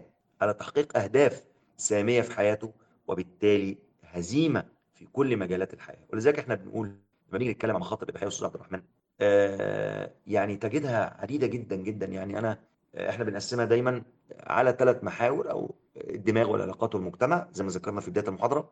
الإباحية السبب الرئيسي الاكتئاب القلق الرهاب الاجتماعي الضغط النفسي الفشل الاجتماعي عدم الاكتفاء في العلاقات الجنسية وده بيرد على الشباب اللي يقول لك أنا مش لاقي أتجوز. أصلا هي اللي بتدفعك لعدم الزواج الاباحيه وبتضيع وقتك وطاقتك. فأنت بدل ما أنت النهارده بتتخرج مهما كانت الظروف الاقتصادية ومهما كان أوضاع البلد إلا إن أنت لو تعبت على نفسك واجتهدت هتصبح متميز بلا شك وهتبدأ عمل بدري ويكون عندك رغبة ودافعية كبيرة إنك تحب وتتجوز. الاباحيه فعلا بتقتل الحب لكن لو أنت أدمنت الاستمناء وأدمنت الاباحيه إيه اللي هيحصل؟ وقتك طاقتك كلها هتكون موجهة للسلوك الإيه؟ الإدماني ده. وتؤدي لانحراف الذوق الجنسي زي ما قلنا وسوء الأحوال الصحية بشكل عام. فتور الهمة عدم الثقة بالنفس ضبابية في التفكير عدم القدرة على التركيز مشكلات في الذاكرة فقدان الانجذاب للنساء أصلا. كل مشاكل العجز الجنسي هواجس انتحار آه، ضعف الرابط الزوجية لو كان متجوز آه، تقييم أقل للزوجة من ناحية الجمال الجاذبية الدفء العاطفة درجة الذكاء الأداء كل ده سبب رئيسي للطلاق سبب رئيسي للتدهور الدراسي وضعف الإنتاجية آه، الإتجار بالبشر التحرش الجنسي استغلال الجنسي للأطفال والنساء. كل ده الشذوذ كل ده وراه للأسف صناعة الإباحية. آخر حاجة أذكرها يعني عشان أعرف المستمعين قد إيه خبراء التكنولوجيا يعلمون جيدا عن دماغك أكتر منك أنت. آه ستيف جوبز وبيل جيتس. بيل جيتس مؤسس مايكروسوفت وستيف جوبز مؤسس أبل. آه لم يمنحوا أولادهم أطفالهم هواتف ذكية إلى بعد سن 14 سنة وتحت قيود رقابية شديدة. فلما سأل المذيع آه ستيف جوبز قبل وفاته يعني بيسالوا سؤال عن أنت اديت أولادك إمتى ال Apple فقال لهم بعد 14 سنة. فاستغرب المذيع يعني I'm surprised ليه؟ يعني إزاي الكلام انت بتتكلم جد؟ قال له قال له ليه طيب؟ قال له لأن أنا أشوفه الاجابه لأن أنا أكتر واحد يعرف تأثير التكنولوجيا والهواتف الذكية على أدمغة الأطفال. إحنا الآن بنشوف أولاد في عمر سنتين وثلاثه كل واحد معاه جوال كل واحد معاه PlayStation الوقت في وقاعد يلعب طول النهار والليل و... ويعتقد الآباء والأمهات إن هم في مأمن ولكن للأسف بيتعرضوا لمشاكل كبيرة من وراء السلوكيات الإدمانية الخطيرة اللي بتدمر سلوكياتهم وعقولهم. الله يبارك فيك دكتور. إحنا دوا ممكن ندخل مباشرة بعد ما عرفنا كل الجوانب السلبية هذه نوع على الإدمان كيف نبدو في العلاج؟ طبعا العلاج آه، يعني يطول شرحه لأنه لكن أنا هحاول آه، يعني أقول وصفة سريعة آه، للتعافي من إدمان الإباحية والاستمناء. إحنا هنقسمهم لأربع محاور أساسية. أول حاجة ضبط وتقليص فرص استخدام الإنترنت. إذا إحنا عايزين أي واحد عنده مشكلة دي أو واحد بيحبه عايز يتعافى باختصار إحنا محتاجين خطوتين. الخطوة الأولى إن إن الشخص يعطي دماغه راحة تامة من كل أنواع الإثارة الجنسية لا تقل عن عدة شهور. وتاني خطوة التانية إنه يحول اهتمامه إلى أنشطة الحياة الحقيقية اللي إحنا بنقول عليها مصادر الدوبامين الصحي الآمن الجيدة طيب يعني معنى كده إن أنت محتاج تتوقف الشخص اللي بيعاني ومحتاج يستبدل يتوقف عن مشاهدة الإباحية والإثارة الجنسية اللي هي مصدرها الإنترنت في المقام الأول زائد إن هو يمارس أنشطة جديدة وهوايات جديدة تحل محل النشاط الإدماني القديم اللي كان بيمثل له مصدر عالي من الدوبامين. لكن عايز ألفت نظر حضراتكم لحاجة إن في البداية بداية التعافي الشخص بينظر إلى هذه الأنشطة آه، اللي هي زي الرياضة الجلسة مع الأصدقاء الجلسة مع العائلة الأكل الصحي النوم الكافي آه، على إن هي القراءة آه، التقرب من الله على إن هي أنشطة. بالظبط كده بتبقى أبيض وأسود بالنسبة للسلوك الإدماني اللي هو بيبقى ألوان. ولكن مع الوقت بيبدأ الدماغ بيستعيد بنقول عليها يستعيد الحساسية مرة أخرى للأنشطة اللي بتوفر مصدر للدوبامين الصحي دون اللي بنتكلم عنها كأمثلة زي الرياضة والقراءة و- وال- والعلاقات الاجتماعية في مقدمتها. بعد كده هتكون هذه الأنشطة هي على قمة أولوياته حينما نغير استجابة الدماغ للتعرض لل إحنا بنقول عليها triggers المحفزات أو المحرضات. زي يعني هم بيختصروا المحرضات دي كتيرة لكن أهمها أربعة. مارك كاسلمان مثلا مؤلف كتاب مخدر الألفية الجديدة اختصرهم في أربع كلمات HALT H A L T hungry angry lonely tired اللي هو الجوع والوحدة والتعب وال إحنا قلنا وال- والغضب. فالإنسان لما يتعرض لهذه ال- المحرضات هو عود دماغه على استجابة معينة هو التوجه للإباحية لكن إحنا عايزين نعود دماغنا بقى إن إحنا ما نستجيبش هذه الاستجابة الخاطئة ونستجيب استجابة صحية. إن إحنا نكلم صديق إن إحنا نخرج نطلع نقعد مع العائلة ما نقعدش لوحدنا ننام نوم كافي. نتغذى غذاء صحي نشرب مية كتير نلعب رياضة نقرب من ربنا أكتر وهكذا مع الوقت. زي بالظبط كلب بافلوف لو تسمعوا عن التجربة. بافلوف عمل تجربة آه، مثيرة جدا. هو كان بيقدم الأكل للكلب بدأ يقدم له أكل وبعد كده بدأ إن هو قبل ما يقدم له الأكل ده يضرب الجرس وبعد شوية يديله الأكل يضرب الجرس ويديله الأكل. فالكلب ربط ما بين صوت الجرس وما بين الأكل فبدأ لعابه يسيل أول ما يسمع صوت الجرس. بعد كده عمل إيه بافلوف؟ عكس التجربة. بدأ إن هو يضرب الجرس وما يجيبش أكل يضرب الجرس ما يجيبش أكل ويجيب له أكل في أوقات مالهاش علاقة بالجرس. فالكلب إيه اللي حصل؟ ما عادش بيفرز لعاب. مرة تانية لما بيسمع صوت الجرس هو ده اللي بيحصل بالظبط. كل أنت وأنت صغير كل ما تتضايق من بابا وماما تدخل تشوف إباحية. كل ما يزعلك في المدرسة ولا في الجامعة تروح تشوف إباحية. كل ما تلاقي نفسك مش عارف تعمل حاجة ومش لاقي حاجة تعملها تروح تشوف إباحية.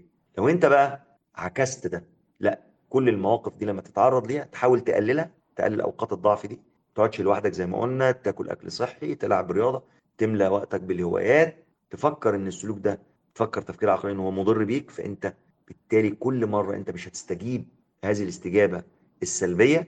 دماغك العقلاني بالظبط عامل زي العضلة يقوى زي ما العضلة بتقوى مع الأحمال الثقيله كذلك كل قرار صائب أنت بتاخده خلاف دماغك العاطفي بيقوى عندك دماغك العقلاني اللي هو قشرة الفص الجبل الدماغ وبالتالي انت ما عدتش هتستجيب لهذه الاستجابات الايه؟ المدمرة. طيب يبقى أول حاجة نرجع تاني. ضبط وتقليص فرص استخدام الإنترنت. ننصح كل شخص يزيد كل ما يتعلق بالصور السيئة من الحاسوب من الهاتف. نغير ترتيب الأثاث. المعالجين قالوا إنك تغير ترتيب الغرفة اللي أنت قاعد فيها لأن في ها في روابط في دماغك ما بين ال- الجلسة في المكان دون الجلسة في الغرفة دي ال- ال- القعدة في الوقت ده بالذات. فما نصيحة ابعد عن العزلة مطلقا وما تاخدش ما تدخلش على الإنترنت إلا لهدف معين وفي وجود الناس من حواليك.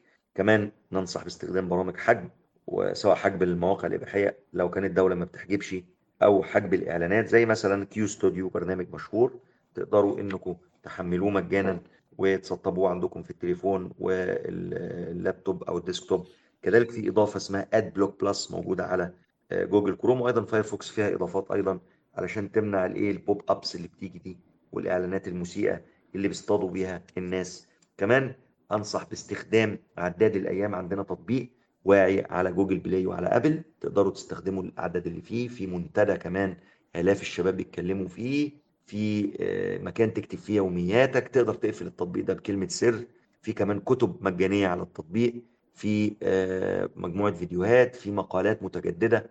مرتبطة بالموقع عندنا الموقع تكتب بس كده على Google Play آه، آسف على جوجل آه، محرك البحث موقع واعي تدخل هتلاقي أكتر من 800 مقالة وأيضا قناتنا على اليوتيوب فيها أكتر من 500 فيديو متخصص في هذا المجال بشكل مجاني. العداد ده بيشجعك دايما إنك تستمر كل يوم. أدي النهارده الحمد لله عدى بدون إباحية واستمناء. الله ده تاني يوم ده تالت يوم وإحنا عاملين دلوقتي تحدي العشر الأوائل من ذي الحجة على التليجرام. لنا جروبات آه، للتعافي للفتيات وللشباب تقدروا تنضموا ليها بشكل مجاني أيضا. يعني تخيلوا مثلا عندنا جروب للشباب في أكتر من 35 ألف من كل أنحاء العالم. كذلك الفتيات آلاف ليهم فريق مسؤول عنهم مخصص وتلاقي مشرفين يشجعوك ويحفزوك ويوجهوك. تاني حاجة تلقي الدعم. لازم المدمن يكون عنده فريق دعم سواء جروبات الدعم اللي أنا حكيت لكم عنها من شوية أو إن هو يستشير طبيب نفسي أو يعمل مدونة شخصية يكتب فيها يومياته لأن كتابة اليوميات مهمة جدا في مراقبة المشاعر وبتساعد الشخص على التحفيز عشان يكمل الطريق. تالت حاجة في الأربعة التخلص من الضغوطات. مش إحنا قلنا من أهم الدوافع اللي بتدفع الشخص وتحرضه على اللجوء للإباحية هو آه، التعامل مع ال stress في الحياة بأن هو يحافظ على الصلاة والذكر يمارس الرياضة يخرج من البيت دايما ويشوف الطبيعة. دراسات بتقول إن الخروج للطبيعة بيقلل الكورتيزول اللي هو بيسبب التوتر ك... ك... كمان التواصل مع الناس مهم جدا وإنك تتعود تحل مشكلاتك بشكل إيجابي وتخرج عن فكرة التعميم وإن مفيش أمل ده آه، غلط. كمان المداومة على الاسترخاء والنوم الكافي آه، تحدد هدف لحياتك. أنت عايز السنة دي تعمل إيه؟ السنة اللي بعدها تعمل إيه؟ بعد خمس سنين تعمل إيه؟ تنمي هواياتك. تحط حد ده مهم قوي الأنشطة اللي بتزود الدوبامين بشكل غير هادف زي التدخين والوجبات السريعة الغير صحية. والسهر. آخر حاجة إن إن الإنسان يكون إيجابي يعني يرفق بنفسه إذا انتكس ويعرف إن الانتكاسة هي جزء ومرحلة من مراحل التغيير وإن يبص الانتكاسة دي على إن هي فرصة للتعلم يتعلم من انتكاسته ويشوف هو وقع ليه ويصلح الغلط ويسد الثغرة ما ييأسي ويتعلم عن الإدمان ومخاطر الإباحية زي ما قلت لكم يدخل موقع واعي وقناة واعي على اليوتيوب ويشترك في التطبيق التطبيق يعني فيه أكتر من مليون تحميل على جوجل بلاي ويبحث عن قصص الناجحين نجحوا من أهم إنجازات فريق واعي إن قدمت للعالم العربي لأول مرة آلاف من قصص اللي نجحوا في التعافي من الإدمان الإباحية. عندنا قنوات عديدة متخصصة على التليجرام. آه وإن شاء الله يعني ممكن أبعتها للأستاذ عبد الرحمن. آه أي حاجة أنتم محتاجينها منها إزاي تدخل على جروبات الدعم إزاي توصل لحساباتنا آه إزاي تحمل التطبيق. آه كمان آه أبعت لكم آه قنوات المتخصصة. عندنا قناتين قناة اسمها يوميات وبشريات للشباب ويوميات وبشريات البنات آلاف اليوميات المكتوبة بيحكوا فيها عن إزاي إن هم استعادوا الأمل والثقة مرة تانية بعد التعافي من إدمان الإباحية. دي وصفة يعني إيه مختصرة كده للتعافي وأنتوا إن شاء الله لما تنضموا أي حد فيكم حابب ينضم ويتعرف على علينا هيشوف حاجات جميلة جدا ومصادر. إحنا عندنا مثلا أكتر من 50 كتاب آه، ألفناهم وجمعناهم وحتى لينا في هذا المجال يعني بالذات آه، وحتى لينا كمان يعني كتب آه، علينا لينا حساب باللغة الإنجليزية أوير على على التويتر. عندنا آه، قناة بالفرنسية على التليجرام. عندنا كتب بالكردية وقناة بالكردية أصلا كمان. وعندنا كتب أيضا مترجمة إلى اللغة الإندونيسية. وعندنا في الفريق مجموعة من ال- الإدارات المتخصصة آه، الكبيرة زي ما حكى الأستاذ الرحمن في البداية. يعني عندنا عدد كبير من الشباب والفتيات بيعملوا في فريق واعي ليل نهار. آه، منها مثلا آه، ان إحنا عندنا إدارة البحث العلمي. إحنا الحمد لله قدر فريق واعي إن هو ينتج أول دراسة في الع... في تاريخ العالم العربي. دراسة محكمة منشورة في كبرى المجلات العلمية في يناير 2021 يعني الحمد لله ما شاء الله والله. لا شيء جميل جدا.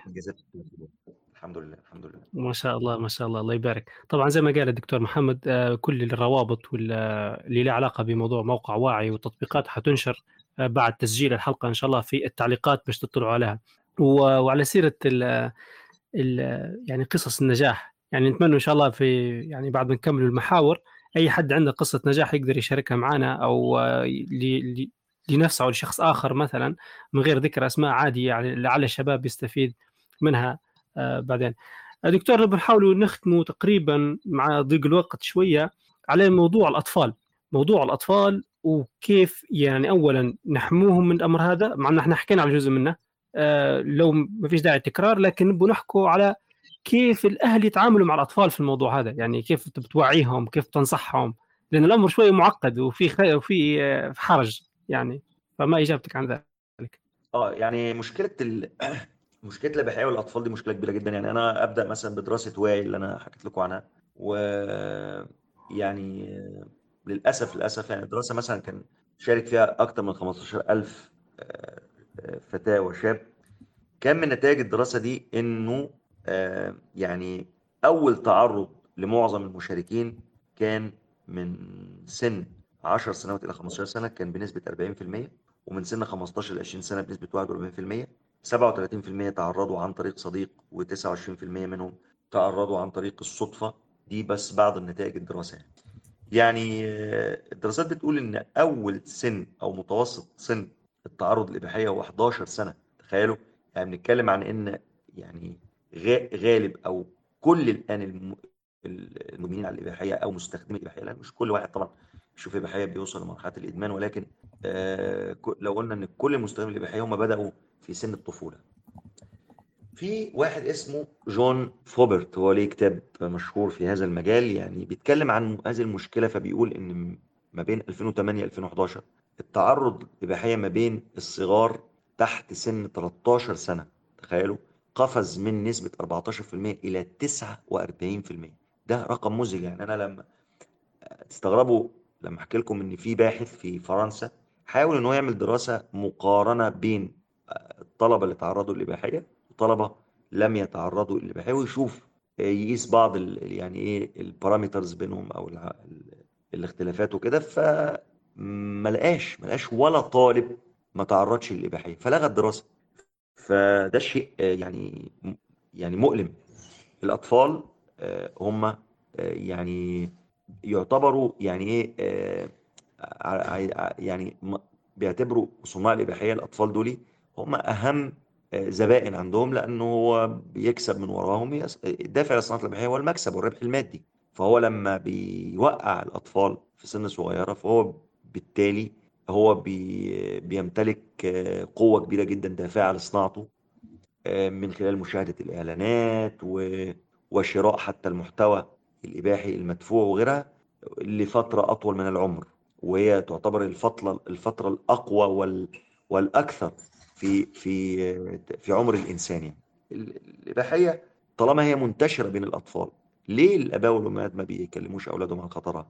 لسبب إن هم بيعتقدوا إن هم لو اتكلموا عن المشكلة دي معاهم إن هم بيفتحوا عينيهم بيزودوا فضولهم ولكن هذا المعتقد خاطئ تماما وغير صحيح لأن ماري ان لايدن مثلا واحدة متخصصة جدا في هذا المجال بتقول إنه لم يعد السؤال الآن. هل سيشاهد ابني الإباحية أم لا؟ ولكن السؤال متى سيشاهدها في الواقع دي الحقيقة. أو أي طفل معاه smart phone هو أكيد وقع عينه على الإباحية سواء كان soft أو hard اليوتيوب مليان مليان آه، إباحية. الفيسبوك تويتر إنستجرام يعني السناب شات شيء يعني مؤلم جدا جدا إن إحنا نجد إن الاباء والأمهات محرجين انهم يتكلموا عن هذا الخطر. لا لازم نتكلم. وعايز أقول إن الكلام مع الأطفال يختلف طبعا عنه عن الكبار. وفي كتاب اسمه Good Pictures Bad Pictures هذا كتاب الصور جيدة صور سيئة ويحقق أعلى مبيعات في أمازون عام 2017 لمؤلفته كريستين جونسون. وهي كان لها قصة دفعتها إن هي تعمل الكتاب ده للأطفال لأول مرة. إن هي جالها أم قالت لها اتصلت بيها بالتليفون قالت لها أنا عايز استشارتك ضروري. ابني عنده 17 سنة بيعتدي على أولادي في غيابي أثناء العمل جنسيا. فلما جيت حكت معاه عرفت إن إن هو بي بيشوف إباحية وتغير سلوكه وأصبح شاذ وأصبح بيقلد اللي بيشوفه الإباحية فأصبح خطر على إخواته. فقررت إن هي تعمل كتاب بعد ما المشكلات دي ظهرت في المجتمع بشكل كبير إن هي توجه رسالتها للأطفال. فالكتاب ده كان المفروض هو معمول من سن 6 ل 12 سنة وللآباء أيضا يقروه مع أولادهم وأنا شخصيا يعني حكيته لأولادي واديته لهم يقروه كتاب رائع جدا. ثم بعد نجاحه خلال سنة 2017 صدرت نسخة تانية منه للأطفال من سن 3 إلى 6 سنين تخيلوا؟ Good Pictures Bad Pictures كل سن ليه طريقة في الكلام ليه طريقة في التوجيه ليه طريقة في الحوار. ابني هيشوف إباحية فأنا لازم صور فاضحة صور سيئة لازم أوعيه لازم أوعيه من هذا الخطر. كلامي عن أولادي عن المخدرات مش هيديهم فضول إن هم يشوفوها أو يجربوها بالعكس هيحميهم بشكل أكبر إن هم يستخدموها ويجربوها. كذلك اتخاذ إجراءات وقائية من إن أنا ما أعطوهمش الهاتف الذكي قبل سن 14 سنة على الأقل وبعدها أقيم إذا كان ابني مسؤول فعلا إن هو يمتلك هاتف ذكي ولا لا لأن امتلاك الهاتف الذكي هو قيادة. القيادة دي الدول لا تمنع قيادة السيارات للأطفال رغم إن هو تلاقي أطفال مهرة جدا في قيادة السيارات لكن لم تكتمل عندهم قشرة الفص الجبلي الدماغي اللي بتديهم قدرة على اتخاذ القرارات السليمة. فأطفالنا ما عندهمش قدرة إن هم يتخذوا القرارات السليمة تجاه السلوكيات السيئة عندهم اندفاعية عندهم كمان إفراز دوبامين عالي أكتر من أدمغة المراهق الراشدين بمقدار 2 إلى 4 فدي نسبة عالية جدا فالإدمان عندهم بيبقى أقوى وأعمق من الكبار. ف فإحنا لازم نكون حريصين جدا. الكتب دي أنا كان لي الشرف إن أترجم الكتاب ده منذ ظهوره وبعد كده ترجم في مكتبة جرير بعدها بأربع سنين أو حاجة. سواء إحنا عندنا النسخة الصغيرة والكبيرة من من الكتب دي يقدر كل أب وأم يقروها ويتكلموا مع أولادهم حول هذا الأمر. وأيضا أنا ترجمت كتاب إرشادات للوالدين وتوجيهات إزاي يتعاملوا مع مشكلة الإباحية دي وردود أفعال الأبناء لما نتكلم معهم حول هذه المشكلة والتعامل مع كل رد فعل بيكون إزاي؟ إحنا لازم نكون مسلحين بالعلم والحقائق عشان نواجه المشكلة دي. لا يكفي إن أنا أقول لابني حرام لأنه عارف إنه حرام أو غلط وعارف إن هي غلط لكن هو ما يعرفش ليه أنت بتقول لي ما أشوفش الحاجات دي. زي ما بتقول له إن الكوكايين غلط عليك لأنه بيزي صحتك ممكن يسبب لك جلطات في الرئة يضر أسنانك تموت بجرعة زائدة. وأيضا لازم تقول له ليه السمارت فون خطر عليك. ليه الإباحية خطر عليك ليه النظر إلى الحرام خطر عليك لأنه بيهدد حياتك تهديد حقيقي حياتك الواقعية ومستقبلك بارك الله فيك دكتور محمد هو توجه في بالي سؤال يعني هل لو أتيحت لك الفرصة مثلا تيجي ليبيا تدير مثلا يعني دورة للأمهات وللشباب نفسهم الإعداد هل توافق مثلا؟ آه طبعا أنا بقى حكي يعني أنا بص يا فندم إحنا عملنا دلوقتي ممكن أقول لك 12 دورة تدريبية الحمد لله. في دول مختلفة يعني السعودية فريق إف إحنا مدربينه.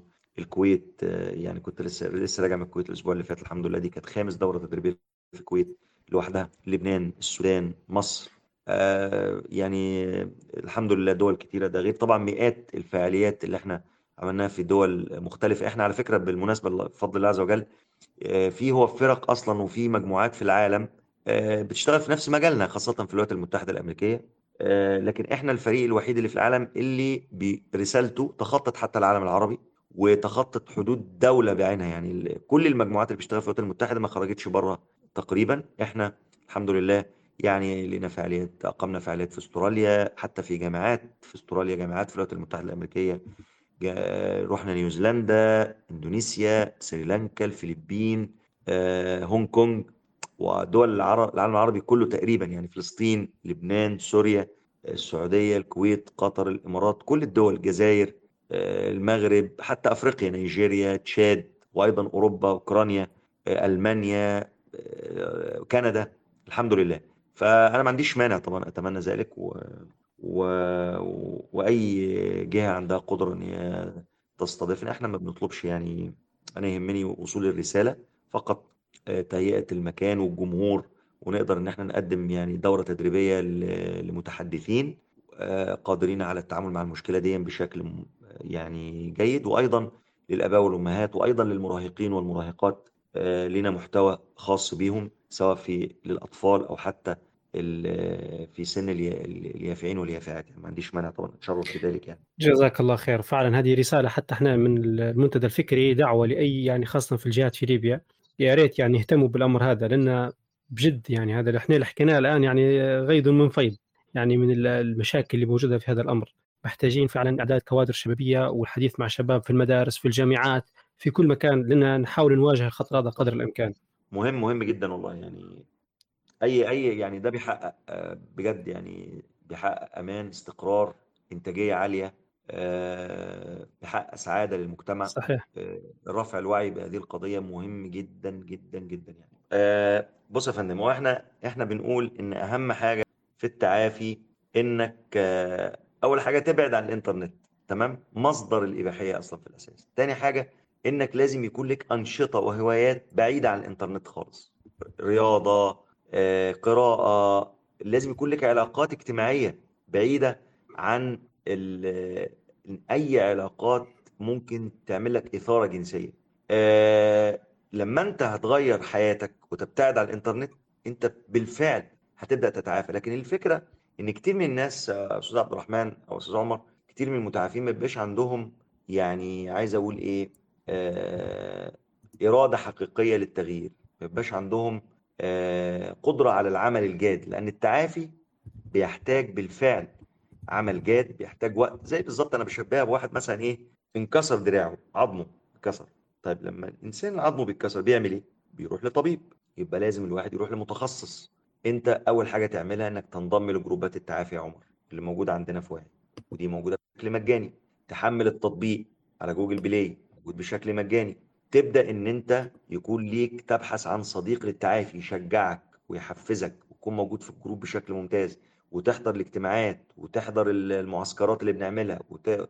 وتحضر التحديات تمام؟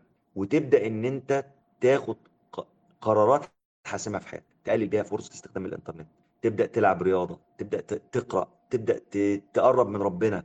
في ناس في... سنة واحدة حفظوا القرآن كامل قرأوا عدد كتب مهول وصل ل 20 و30 كتاب بعد ما كانوش بيقروا أصلا. في ناس تحسنت علاقاتهم بدأوا إن هم يكون لهم كل أسبوع يتعرفوا على اثنين وثلاثه بعد ما كانوش بيكلموا حد أصلا.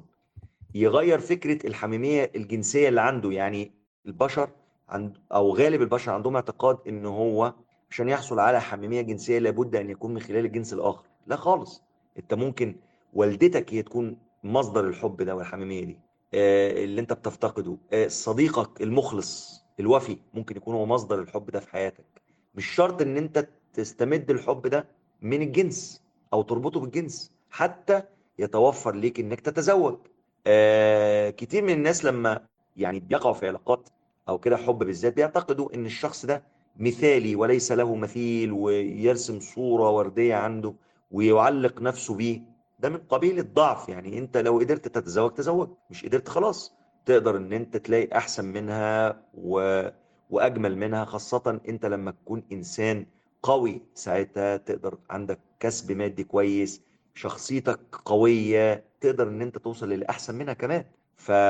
فأنت أهم من إنك ترتبط بحد إنك تحسن ذاتك وتعالج نفسك من من شيء فعلا أنا بقول إن التعافي ده صعب آه لكنه يستحق. يستحق الإنسان يحطه على قائمة أولوياته لكن المتعافين للأسف ما بيحطوش التعافي على قمة أولوياتهم. وأنا عايز أقول إن يعني عملية التغيير نفسها اللي إحنا بنسميها change cycle اللي أنشأها بروشاسكا وديكليمنتي قالوا إن الإنسان عشان يتغير بيمر بمراحل مرحلة ما قبل التفكير في حل المشكلة ثم التفكير في حل المشكلة. الناس ممكن تقعد بس في إن هي النهارده مثلا ممكن يكون كان شايف إن في مشكلة مجرد محاضرة زي دي بتنقله من مربع اللي هو قبل التفكير إلى التفكير. ممكن يقعد بس يفكر في إن إن هو عايز يتغير سنوات حرفيا بدون ما ينتقل للمرحلة اللي بعدها اللي هو إيه؟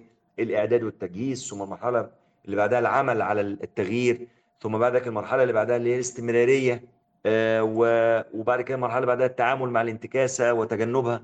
الناس تقف عند المرحلة دي. طب أنت بتقف ليه؟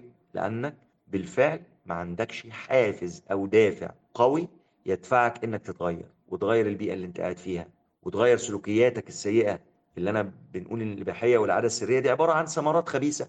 بتنتج من سلوكيات وعادات سيئة بتشكل نمط حياة الإنسان.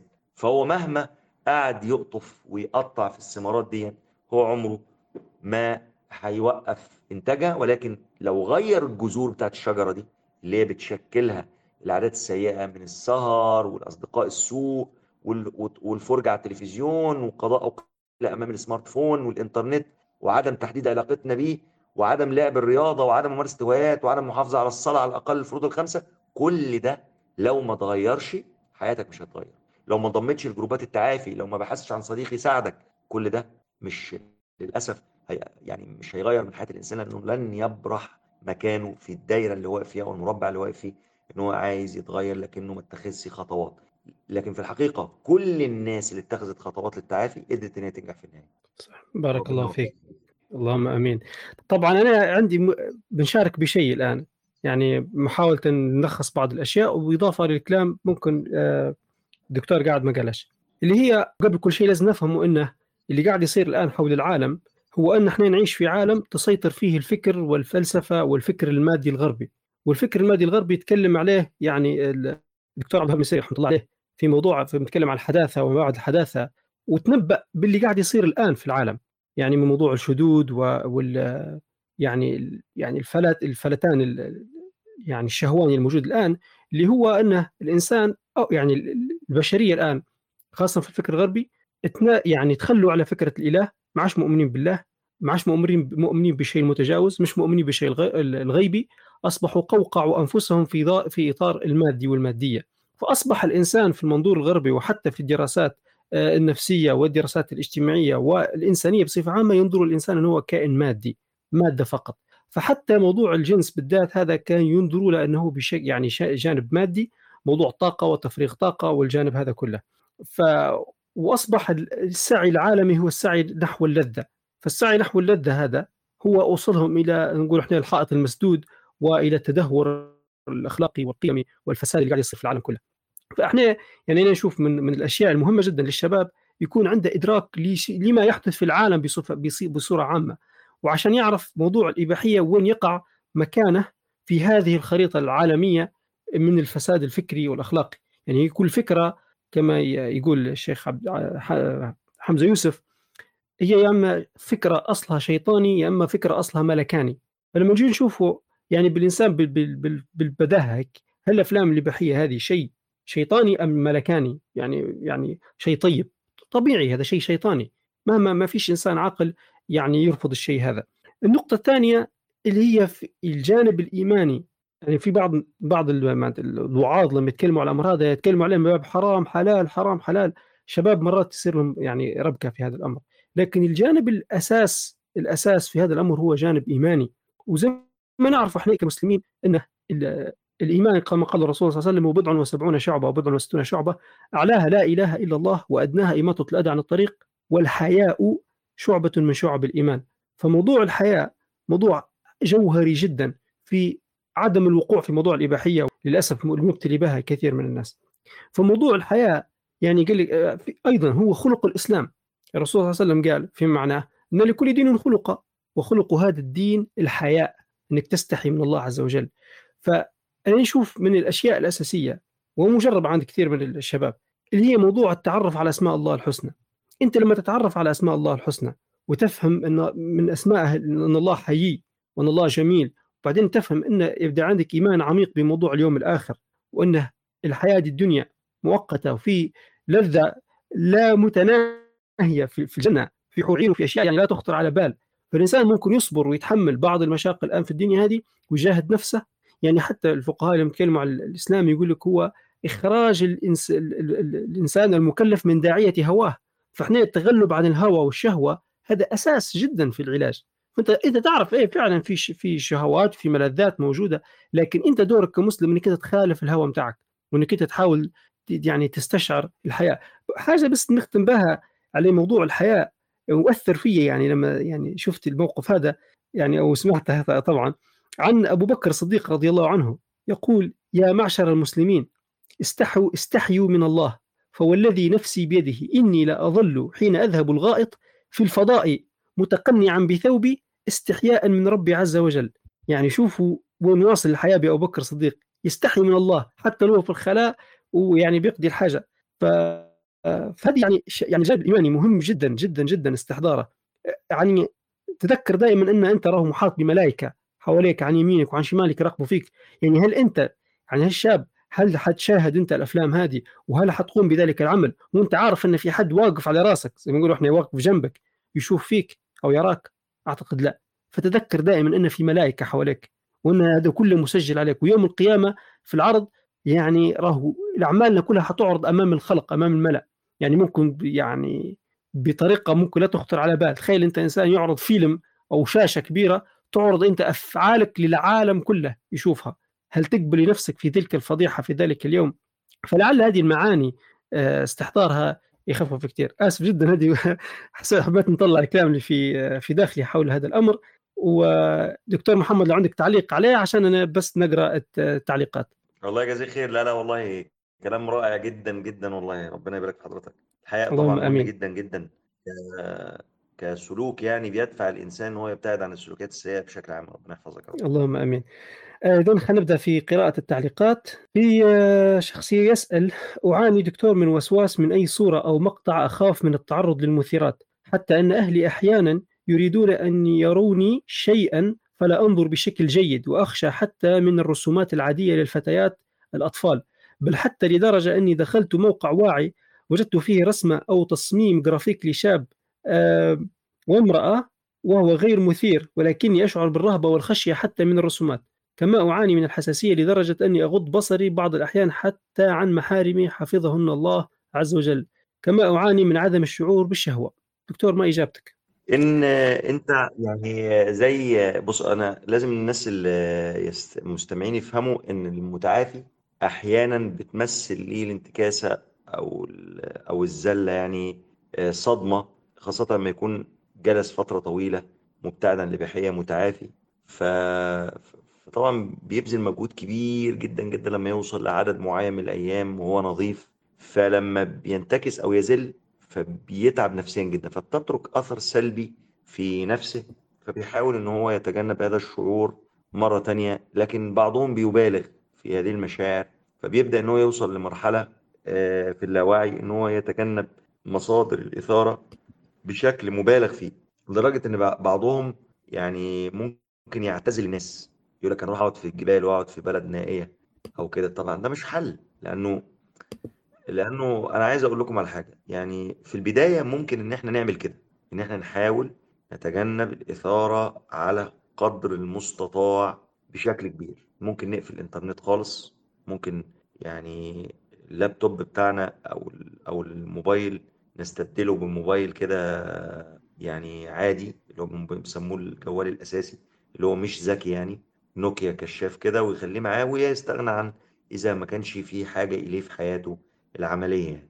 ده بيساعد بشكل كبير جدا على التعافي في البداية. لماذا في بداية التعافي؟ لأن في بداية التعافي إن بيكون في حساسية شديدة للإثارة الجنسية وبيبقى في من على في أعراض انسحابية. فمن ضمن الأعراض الانسحابية اللي بتصيب الإنسان لما يتوقف عن التعرض للمواد الإباحية اللي اعتادها دماغه اللهفه الشديده يعني كريفنج عنده لهفه شديده جدا لمشاهدة المواد الإباحية. ففي البداية بيجي له أعراض انسحابيه زي كده وبيكون عنده حساسية شديدة فيحاول يتجنب أي مثير على قدر المستطاع.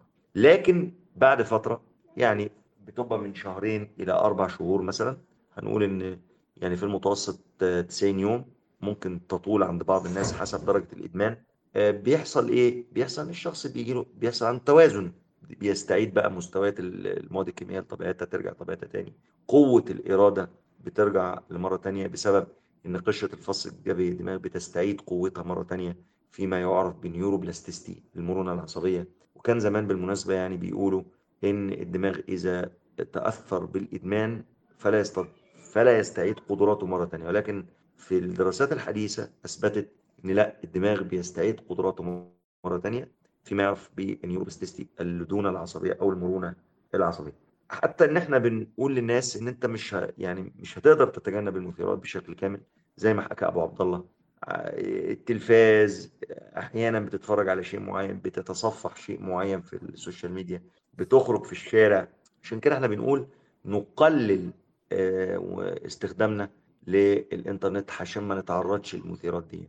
لكن هل إحنا نقدر حقيقة أو واقع ما نروحش مثلا الجامعة؟ أنا قابلت ناس كده يقول لك مش هروح الجامعة. أنا هبطل تعليم السنة دي تخيلوا؟ يعني يتوقف عن الدراسة سنة على أمل إن هو ما يروحش يشوف بنات يثيروه أو كده. طب ده مش حل. ليه مش حل؟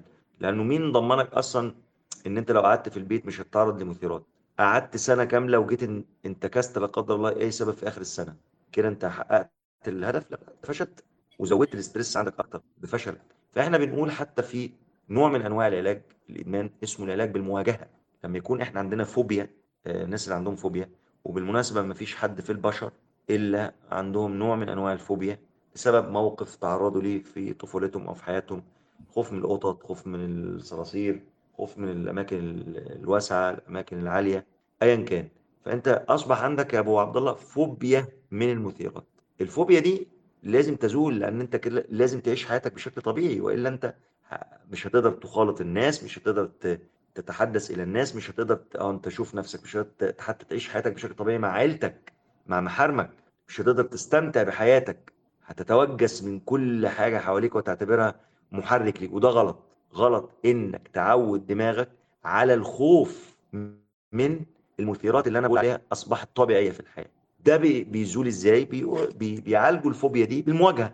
يعني مثلا لو افترضنا إن واحد بيخاف مثلا من قطة فيجيبوا القطة دي يحطوها جنبه في نفس الغرفة بعيد كده بس تكون في نفس المكان.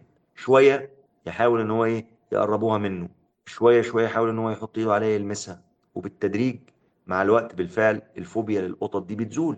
فإحنا بنقول كده أنت المطلوب منك ربنا بيقول آه، قل للمؤمنين يغضوا من أبصارهم. يعني الغض غير إن أنت تقفل بصرك خالص. يعني ما فيش حاجة اسمها كده إن أنا أمشي في الشارع آه، أحط إيدي على عيني يعني هتعمي يعني. مش مش معقولة. فلازم إن أنت أبو عبد الله تتعامل تعامل إيجابي مع آه، الحياة من حواليك غض بصرك. استخدم آلية. إحنا بنسميها الثلاث ثواني أو قاعدة الثلاث ثواني إنك لو شفت مثير حدده في الثانية الأولى قول ده مثير بعد كده الحاجة التانية تجنبه ابعد عنه.